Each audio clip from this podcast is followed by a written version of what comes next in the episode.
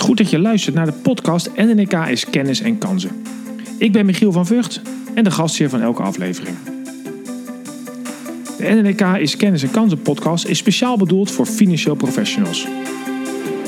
En in elke aflevering praten we hierbij over onderwerpen zoals ondernemerschap, marketing, vermogensplanning.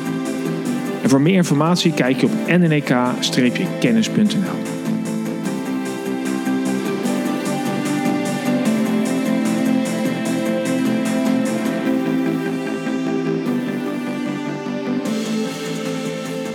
En vandaag heb ik een mooie uitzending met Paul Armsen, de Lifestyle Financial Planning Guru, wiens boek ik laatst mocht vertalen. Dat heet in het Nederlands Genoeg. Paul is een vrij uitgesproken persoon. En dat hoor je ook al gelijk in het eerste korte fragmentje wat ik even zal laten horen van hem. Okay, now unfortunately, the financial services industry has got a poor reputation, mainly because it's a money-focused industry. It wants access to clients' money. That's all it's interested in, really. The industry doesn't really care about clients. It just wants access to their money Paul is zeer gepassioneerd als het gaat over het helpen van mensen bij het bereiken en behouden van een ideale levensstijl. Zijn boek Genoeg is daar ook een goed voorbeeld van. Hij geeft tot tien jaar lang trainingen en presentaties over hoe in zijn ogen financieel adviseurs in Engeland hun klanten zouden moeten begeleiden. En hij geeft absoluut niet hoog op van de gevestigde orde.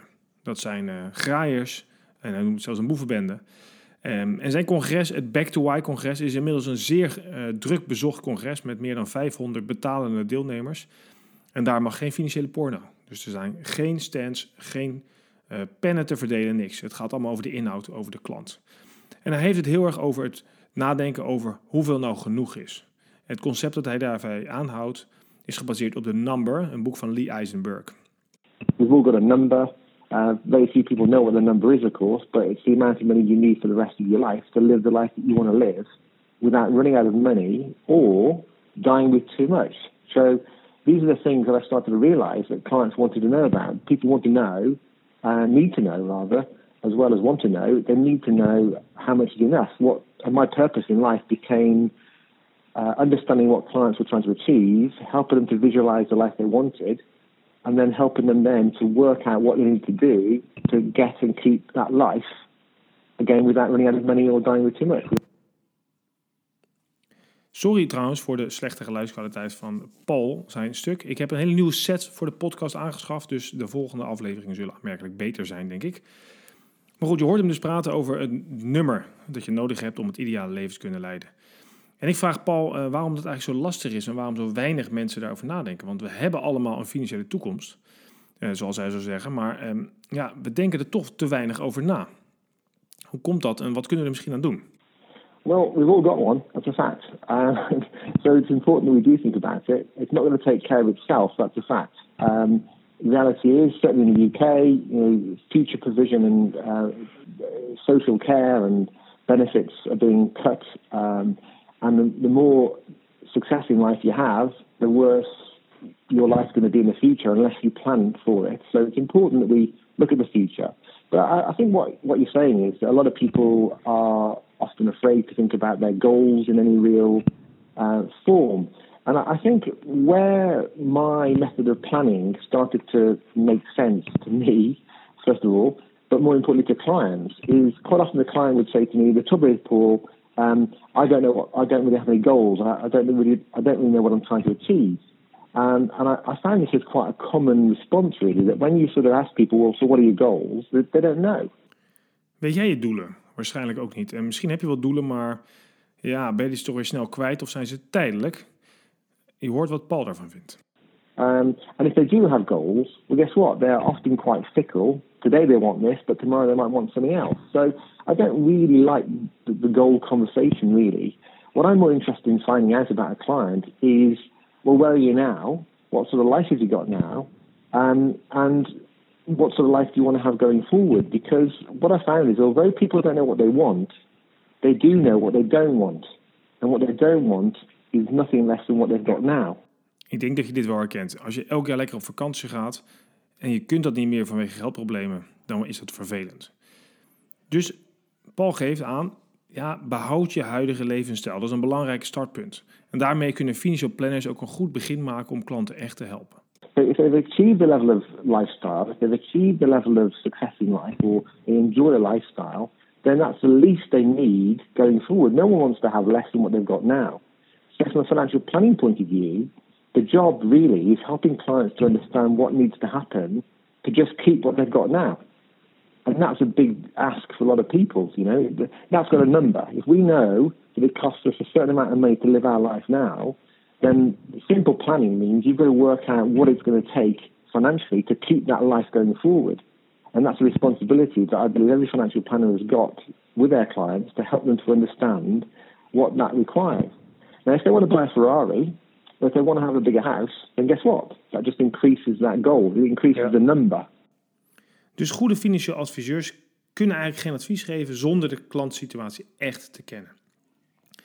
En zoals ik uh, ontzettend van overtuigd ben, moet je als financieel adviseur weten wie je klant is. En wil je als klant goed geholpen worden, moet je ook vertellen wie je bent en wat je wilt bereiken of wat je wilt behouden.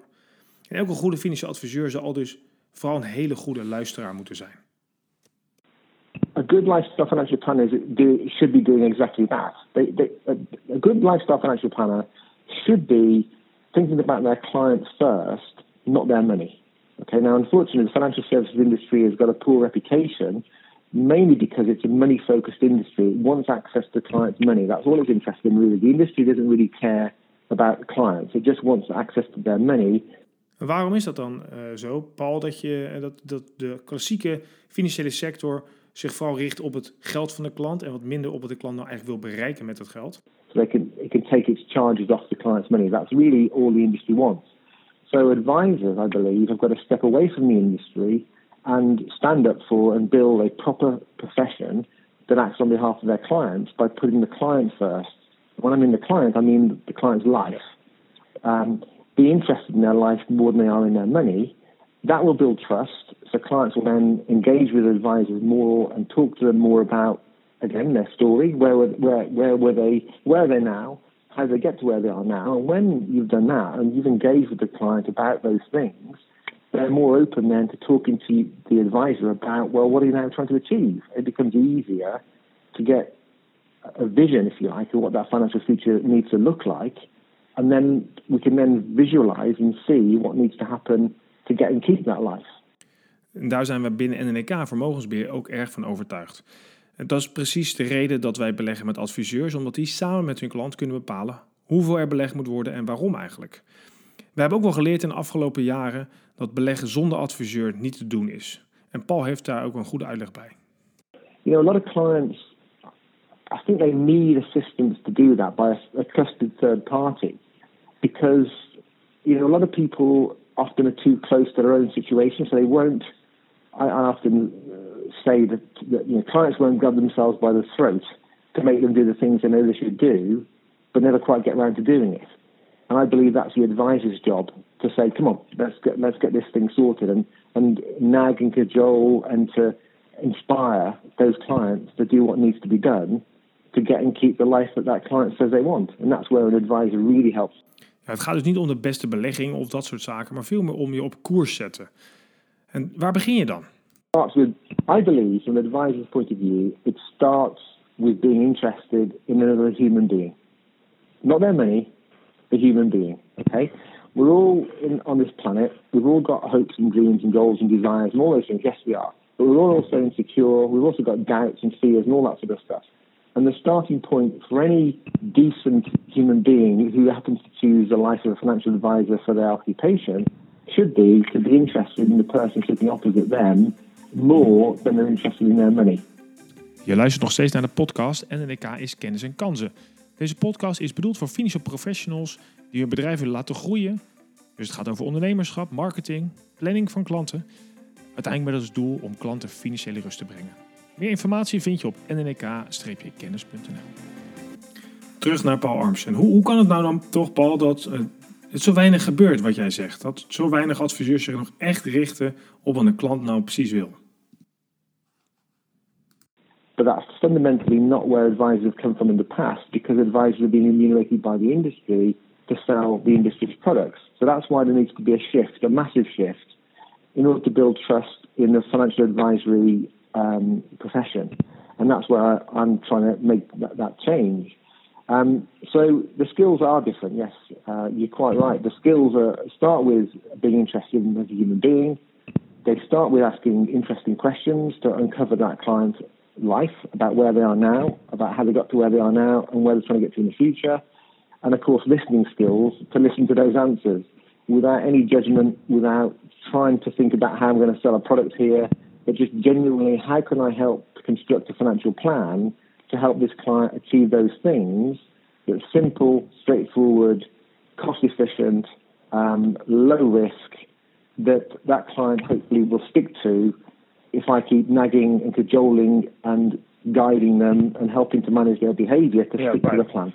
Ja, want dat is natuurlijk wel duidelijk. Heb je al eerder gehoord in eerdere podcasts dat het gedrag van onszelf zit vaak goede financiële beslissingen in de weg. En daar hebben financiële adviseurs een belangrijke rol bij. Dus ik denk dat je als persoon zelf absoluut heel veel zelf kunt. En je kunt je eigen leven en je financiën goed op orde brengen. Maar vaak in moeilijke tijden, een dalende beurs, een stijgende beurs, ontslag, um, uh, echtscheiding, ga je rare dingen doen. Uh, en niet alleen in je überhaupt in je leven, maar ook uh, met je geld. Ik vraag Paul wat zijn rol daarin is en hoe hij adviseurs in Engeland dan helpt. Last 10 years I've been helping advisors primarily in the UK, but also around the globe as well, to a lesser degree.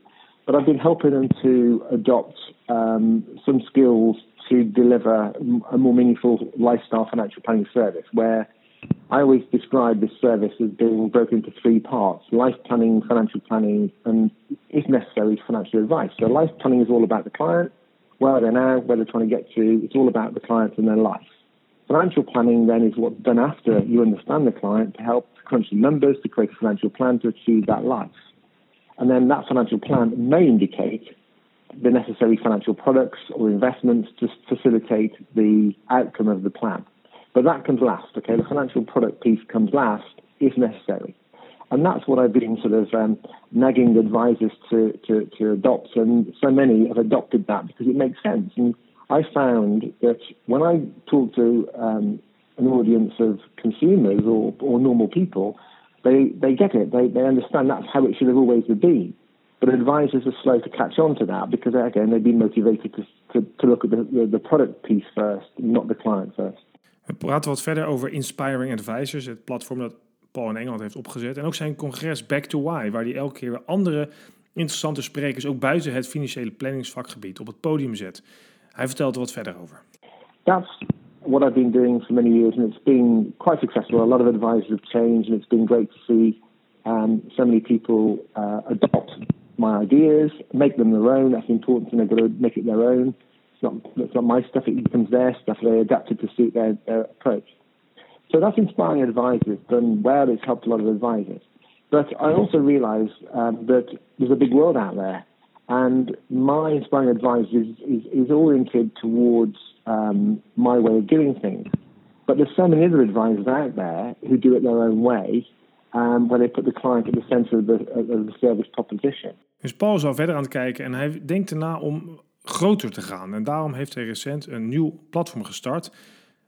Dat heet Life Centered Planners. Hoe zit dat precies? A, year or two ago, I met a guy called Mitch Anthony, who's based in the States. And Mitch has been doing the same thing as me, but in the States.